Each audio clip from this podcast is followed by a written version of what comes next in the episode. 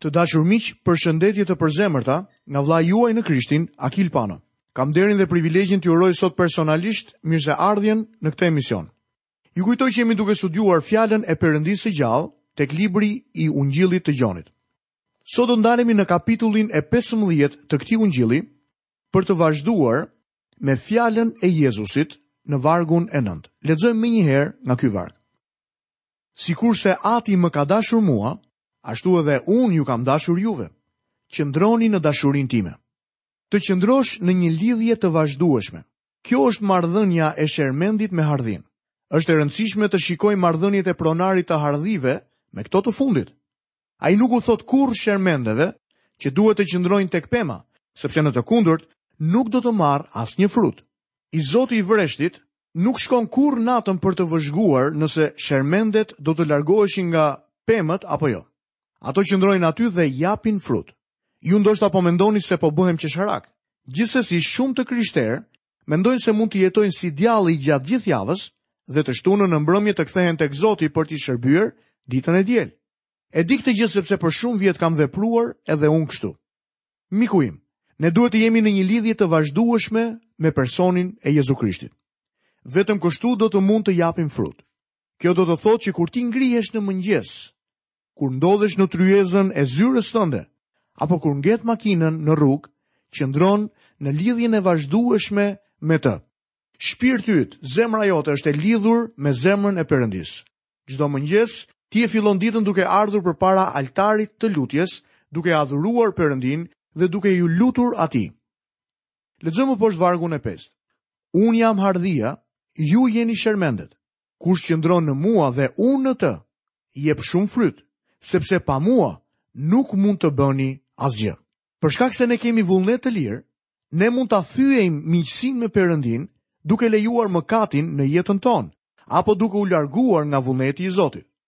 Perëndia dëshiron që të qëndrojmë në të, që të mund të japim shumë frut Ky është vullneti i Perëndisë, kjo është zemra e Zotit për të krishterin, për besimtarin që është pjesë e kishës së tij. Ai dëshiron që ne të qëndrojmë në të, brenda qendrës së vullnetit të tij. Do të vini re se këtu na jepet një ngjashmëri me shëmbëlltyrën e mbjellësit. A e mbani mend se disa nga farat ranë në tokë të mirë dhe dhanë 30 fish. Ky është fruti. Ca të tjera dhanë 60 fish, ky është më shumë frut, dhe të tjerat dhanë 100 fish, ky është shumë më tepër frut. Perëndia dëshiron që ne të japim shumë më tepër frut. Lexojmë poshtë vargun e 6. Në qoftë se ndokush nuk qëndron në mua, hidhet jashtë si shermendi dhe thahet. Pastaj i mbledhin, i hedhin në zjarr dhe digjen. Më lejoni të them edhe një herë që këtu flitet për dhënien e frutave tona, prodhimin e shpëtimit tonë. Këtu nuk flitet se si duhet të shpëtohemi. Apostulli Pal përdor një ilustrim tjetër për të njëjtën gjë. Sepse askush nuk mund të hedhë themel tjetër përveç atij që është hedhur, i cili është Jezu Krishti. Dhe në qoftë se dikush ndërton mbi këtë themel, ar, argjend, gurë të çmuar, dru, sanë, kashtë, vepra e secilit do të shfaqet, sepse dita do ta tregojë, sepse do të zbulohet me anë të zjarrit dhe zjarri, do të provojë veprën e secilit e ç'lloji është. Këtu flitet për veprat e besimtarëve, frutat në jetën e një besimtari. Zjarri do të pastrojë arin, argjendin dhe gurët e çmuar dhe do të heqë çdo lloj forme papastërtie. Ndërsa druri, kashta dhe sana do të digjen, do të kthehen në tym. Është e njëjta gjë si vargu ynë ku thuhet se veprat do të hidhen në zjarr dhe do të digjen. Tek letra e parë drejtuar Korintasve, kapitulli 3 vargjet 11 deri 14, shohim të dokumentuar. Në qoftë se vepra që ka ndërtuar dikush mbi themelin qëndron, ai do të marrë një shpërblim. Besoj që shpërblimi do të jepet vetëm për frutat në jetën tonë dhe nuk jemi ne që prodhojmë fruta. Është Jezusi në ne që do të prodhojë fruta nëse ne e lejojmë atë që ai të qëndrojë në jetën tonë. I dashur mik, ne nuk jemi thirrur që të jetojmë dy lloj jetësh. Ne jemi thirrur që të jetojmë vetëm një lloj jete. dhe nuk jemi thirrur të jetojmë jetën tonë, por jetën e Krishtit. Ashtu sikurse apostulli Pal thotë, nuk jam unë më që po jetoj, por është Krishti që jeton në mua. Një nga gjërat e trishtueshme sot është se mesatarja e të krishterëve besojnë se jeta e krishterë normale është një dështim. Mendojnë se mbartja e shumë frutave është diçka shumë e lartë dhe ata janë të gatshëm të jetojnë në një plan më të ulët, duke shpresuar të prodhojnë vetëm pak fruta. Mbani mend se Zoti dëshiron që ne të prodhojmë shumë fruta. Lexojmë më poshtë nga vargjet 7 dhe 8. Jezusi tha, Në qoftë se qëndroni në mua dhe fjalët e mia qëndrojnë në ju, kërkoni çfarë të doni dhe do t'ju bëhet. Në këtë është përlëvduar ati im që të jepni shumë frut dhe kështu do të jeni dishepujt e mi. Ky është një premtim i mrekullueshëm lutjeje por vini re kushtin. Nëse qëndroni në mua dhe fjalët e mia qëndrojnë në ju. Kjo do të thotë t'i jesh i bindur ndaj Jezusit. Atëherë do të kemi një lutje efektive. I gjithë qëllimi i qëndrimit dhe i lutjes është që Ati Perëndi të lavdrohet. Kjo eliminon lutjet për arsyet tona egoiste. E gjithë çështja qëndron tek mbartja e frutave. Perëndia është i përlëvduar, ai e merr gjithë lavdinë kur ne japim fruta. Lexojmë më poshtë vargjet 9 deri 11. Sikurse Ati më ka dashur mua, ashtu edhe unë ju kam dashur juve. Qëndroni në dashurinë time.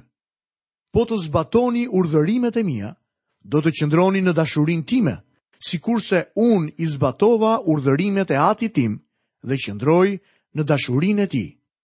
Këto gjëra jua kam thënë që gëzimi im të qëndrojë në ju dhe gëzimi juaj të jetë i plotë. Zoti dëshiron që ne të kalojmë një kohë të mirë. Shpeshherë të krishterët kanë mendime dhe objeksione të gabuara për të qenurin të krishterë. Shpesh jobesimtarët kanë frikë të pranojnë Krishtin dhe të bëhen krishterë, për shkak se në mendimet e tyre ata gjithmonë kanë ngritur opinione të pasakta mbi të qenurin të krishterë. Ideja është se nëse një individ pranon Krishtin, atëherë jeta e tij do të jetë e ngjashme me jetën e një murgu, por në fakt nuk është e vërtetë. Duhet të ketë kënaqësi sa herë që një besimtar shkon në një studim biblik. Duhet të jetë i gëzuar kur një vëlla apo motër i shërben Zotit. Një jetë në miqësi me Krishtin është një jetë e gëzueshme. Zoti Jezus tha te Gjoni 10, 10, Unë kam ardhur që juve të merrni jetën dhe ta keni atë me bollëk. Kjo jetë është në Krishtin. Nëse ne qëndrojmë me të, do të marrim prej kësaj jete dhe do të mbushemi me këtë jetë. Lexojmë vargun e 12. Ky është urdhërimi im. Ta doni njëri-tjetrin, ashtu siç unë ju kam dashur juve. Mbani mend që Jezusi po u flet besimtarëve në këtë bisedë. Ne duhet ta duam njëri-tjetrin ashtu siç Krishti na do ne. Është e trishtueshme të shohësh të krishterët në kishat e sotme që marrin nëpër gojë njëri-tjetrin. Besimtarët flasin keq kundra pastorëve të tyre, besimtarët flasin keq kundra njëri-tjetrit dhe është me të vërtetë një pamje që trishton frymën e Perëndisë. Shpirti i Perëndisë nuk mund të veprojë në një situatë të tillë. Dikush mund të ndjekë mësime biblike dhe të vazhdojë ta refuzojë këtë urdhërim të Zotit tonë. Të duam ashtu siç na deshi Krishti, kjo çështje është një nivel shumë i lartë. Vetëm fryma e Perëndisë mund të prodhojë një dashuri të tillë në jetën tonë. Ja pse ne, pa frymën e Zotit, jemi të mjerët e të mjerëve. Kisha, e cila nuk e lejon frymën e Perëndisë të veprojë, të operojë brenda saj, do të jetë vetëm një institucion njerëzor që do të refuzojë veprën e Perëndisë. Lexojmë vargun e 13. Askush s'ka dashuri më të madhe nga kjo, të japë jetën e vet për miqtë e tij. Tani le të shohim më poshtë testin. Ja ku qëndron edhe prova. Lexojmë vargun e 14. Ju jeni miqtë e mi nëse bëni gjërat që unë ju urdhëroj. Jeta e krishterë nuk është telebingo, nuk është një lloj llotarie. Jeta e krishterë do të thotë të ndjekësh udhëzimet e Perëndisë dhe ato udhëzime janë shumë të qarta. Nëse i ndjek, do të japësh shumë frut. Jezusi Zoti ynë dha jetën e tij për ne. Ai na kërkon që t'i bindemi. Zoti nuk kërkon holokauste, ai nuk kërkon që i krishteri të mund të shkojë në vetëvrasje, ai kërkon thjesht bindjen e dashurisë tënde. Ai kërkon që ti të vish përpara altarit të lutjes, ta adhurosh atë dhe të kërkosh që në ty të derdhet jeta e tij, dashuria e tij. Ne jemi projektuar në një mënyrë të tillë, të ngjashme me kontenierët ose depozitat. Një depozitë boshe në kohën e verës nuk i duhet askujt brenda në apartament. Çdo depozitë është projektuar në një mënyrë që të mund të mbartë ujin. Jetët tona duhet të mbartin jetën e Perëndisë. Zoti nuk beson në zona gri, Perëndia nuk beson në enë boshe. Perëndia dëshiron t'i mbushi këto enë që ai ka krijuar, që ai ka ndërtuar me lavdinë e tij, me ujin e gjallë. Jezusi tha, Nëse dikush ka etje, le të vijë tek unë dhe unë do t'i jap atij që të pi prej ujit të gjallë. Jezusi është miku ynë, sepse vdiq për ne. Tani dëgjoni me vëmendje. Ne jemi miqtë e tij nëse i mbajmë urdhërimet e tij. Ai nuk kërkon që ne të gjithë të vdesim për të. Dikush pyeti një herë një predikues të madh të quajtur Mudi, nëse kishte hir për të vdekur. Ndërsa Mudi ia ktheu se nuk kishte, por kur të kishte nevojë për këtë lloj hiri, Zoti do t'ia jepte atij. Lexojmë vargjet 15 dhe 16. Unë nuk ju quaj më shërbëtorë, sepse shërbëtori nuk e di ç'bën i zoti, por unë ju kam quajtur miq, sepse ju bëra të njihni të gjitha gjërat që kam dëgjuar nga Ati im. Nuk më keni zgjedhur ju mua, por unë ju kam zgjedhur juve dhe ju caktova të shkoni dhe të jepni frut dhe fruti juaj të jetë i qëndrueshëm, që çfarëdo gjëje që t'i kërkoni atit në emrin tim, ai t'jua japë. Ne jemi miqtë e Jezusit nëse bëjmë gjërat që ai na ka urdhëruar. Tani Jezusi na tregon që na ka hapur zemrën e tij. Perëndia dëshiron të na zbulohet Mbani mend, Perëndia kërkoi Abrahamin për t'i zbuluar planin e tij, sepse Abrahami, ky individ, ishte miku i Perëndisë. Tani Jezusi thotë se na ka zbuluar gjërat e Perëndisë. Ja se çfarë bën një mik. Tek sa njerëz mund të shkosh dhe t'u hapësh zemrën tënde? Një nga gjërat që duhet të karakterizojë një besimtar të krishterë është që kur të shkosh tek ai dhe t'i thuash problemet e tua, të mund të të dëgjojë së pari, së dyti, të përpiqet të të kuptojë dhe më pas të ndihmojë duke të inkurajuar. Ja se si ne duhet ta duam njëri-tjetrin. Vini re, Jezusi tha, nuk më keni zgjedhur ju, por unë ju kam zgjedhur. Shumë njerëz nuk e pëlqejnë doktrinën e zgjedhjes apo paracaktimin, por ajo është e mrekullueshme dhe praktike. Shpesh një i krishterë i dekurajuar shkon tek Zoti dhe i thotë: Zot, ti më ke thirrur, më ke zgjedhur dhe unë jam fëmija yt. Një herë Doktor Campbell Morgan tha: Ai më zgjodhi, prandaj unë jam përgjegjësia e tij. Ky është besimi. Ky grup i vogël dishepujsh do të shpërndahej në pak orë pas kryqit. Bariu do të kryqëzohej dhe delet do të shpërndaheshin. Në një orë të tillë Jezusi u thotë, "Nuk më keni zgjedhur ju mua, por unë juve." Një predikues që ishte kthyer vonë në jetën e tij tek Jezusi, kishte qenë dënuar për vjedhje para se të shpëtojë. Pasi kishte filluar të predikonte për shpëtimtarin e tij, ishte ende një i krishterë i ri. Një natë, ndërsa po shkonte në shtëpi, kaloi pranë një koteci pulash. Kjo gjë ishte tundim i madh për të, por ndaloi dhe u lut. Zot, pronësia jote është në rrezik dhe nuk e kam fjalën për pulat. Është e mrekullueshme të thërrasësh Zotin në këtë mënyrë. Mos harroni, ne jemi prona e Zotit. Jemi të blerë me gjakun e tij. Dhe nuk mund të sillemi në një mënyrë të shfrenuar apo si të duam me jetën tonë, sepse i përkasim atij Që nga dita apo ora kur e pranuam çmimin që u pagua për ne në Golgotë.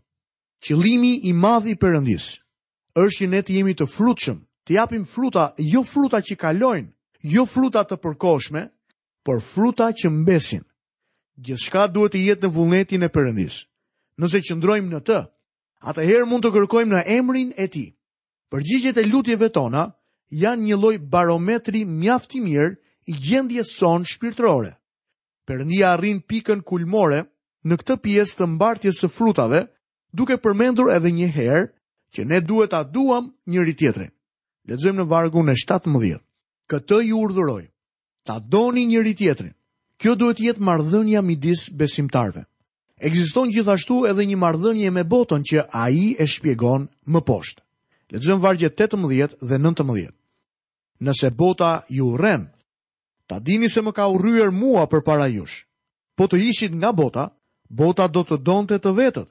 Por sepse nuk jeni nga bota, por unë ju kam zgjedhur nga bota, Prandaj bota ju urren.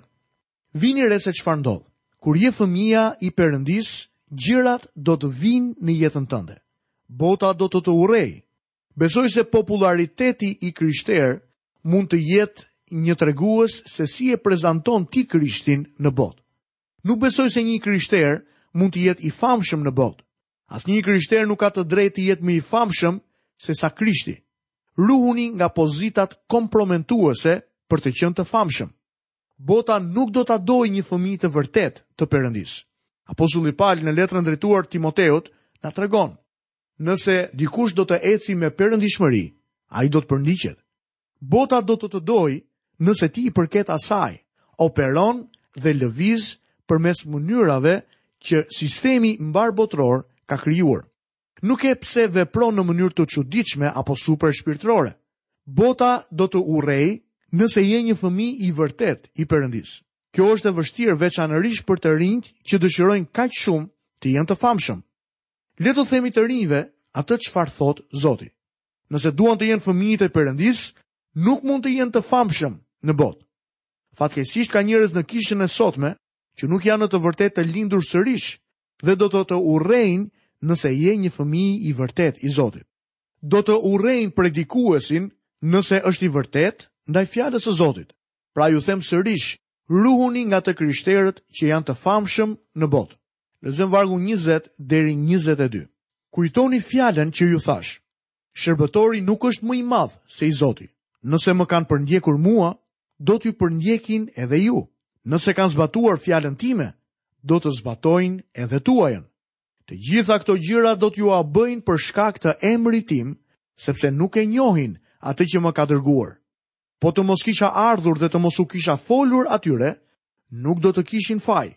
Por tani, ata nuk kanë asnjë shfajësim për mëkatin e tyre.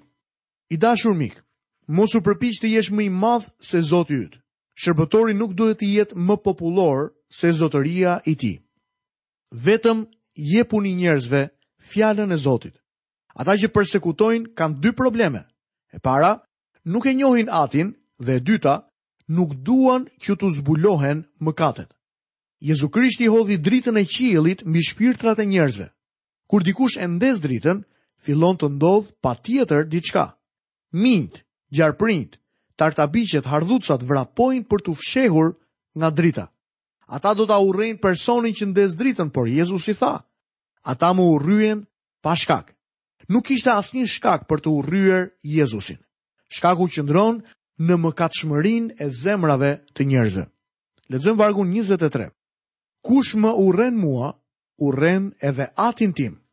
Ky është një varg shumë i rëndësishëm. Ka shumë njerëz që mendojnë që janë në rregull, janë në një raport të drejtë me Perëndinë, edhe nëse nuk besojnë te Krishti, edhe nëse urrejnë Krishtin. ndërsa ky varg menjëherë pozicionon të gjitha kategoritë e besimeve, sekteve të ndryshme në këtë pozicion. Jezusi tha, kush më urren mua, urren edhe atin tim. Ka vetëm një rrugë, ka vetëm një derë, ka vetëm një të vërtetë, ka vetëm një mënyrë që një individi mund të shpëtohet. Jezusi është rruga. Ka vetëm një rrugë për të shkuar tek Ati. Jezusi është rruga. Ky është një varg i rëndësishëm. Bota nuk e urren idenë e Perëndisë si dikush në mjegull atje përtej. Ata urrejnë Krishtin. Jezusi tha që kur dikush urren Jezusin, urren vetë Atin Perëndi. Ti mund të thuash që beson në Perëndi dhe je një individ popullor. Testi i vërtetë është miqësia dhe qëndrimi yt, marrëdhënia jote me Jezu Krishtin. Ti nuk mund të jesh popullor dhe të besosh në Zotin Jezu Krisht, sepse ai urrehet. Lexojmë vargjet 24 dhe 25. Jezusi tha, po të mos kisha bërë në mes tyre, vepra që askush tjetër nuk ka bërë, nuk do të kishin faj. Por tani, përkundrazi, e kanë parë dhe më kanë urryer mua dhe Atin tim. Por kjo ndodhi që të përmbushet fjala e shkruar në ligjin e tyre. Më kanë urryer pa shkak. Dikur një shakaxhi ka thënë: Perëndia e krijoi njeriun në imazhin e tij. Dhe tani njeriu po krijon Perëndinë në imazhin e tij. Ky është lloji i Zotit që njerëzit duan sot dhe lloji i Zotit që mendojnë se po e drejton këtë univers. Jezusi e citon këtë Si përmbushje të Psalmit tridhjetë e pesë, nëntëmbëdhjetë dhe gjashtëdhjetë e nëntë, katër.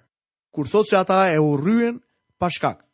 Ata e urryen Zotin Jezu Krisht sepse kishin krijuar në mendjet e tyre, në sistemin e tyre fetar, një Zot të rremë, që në fakt nuk është Perëndia i Biblës.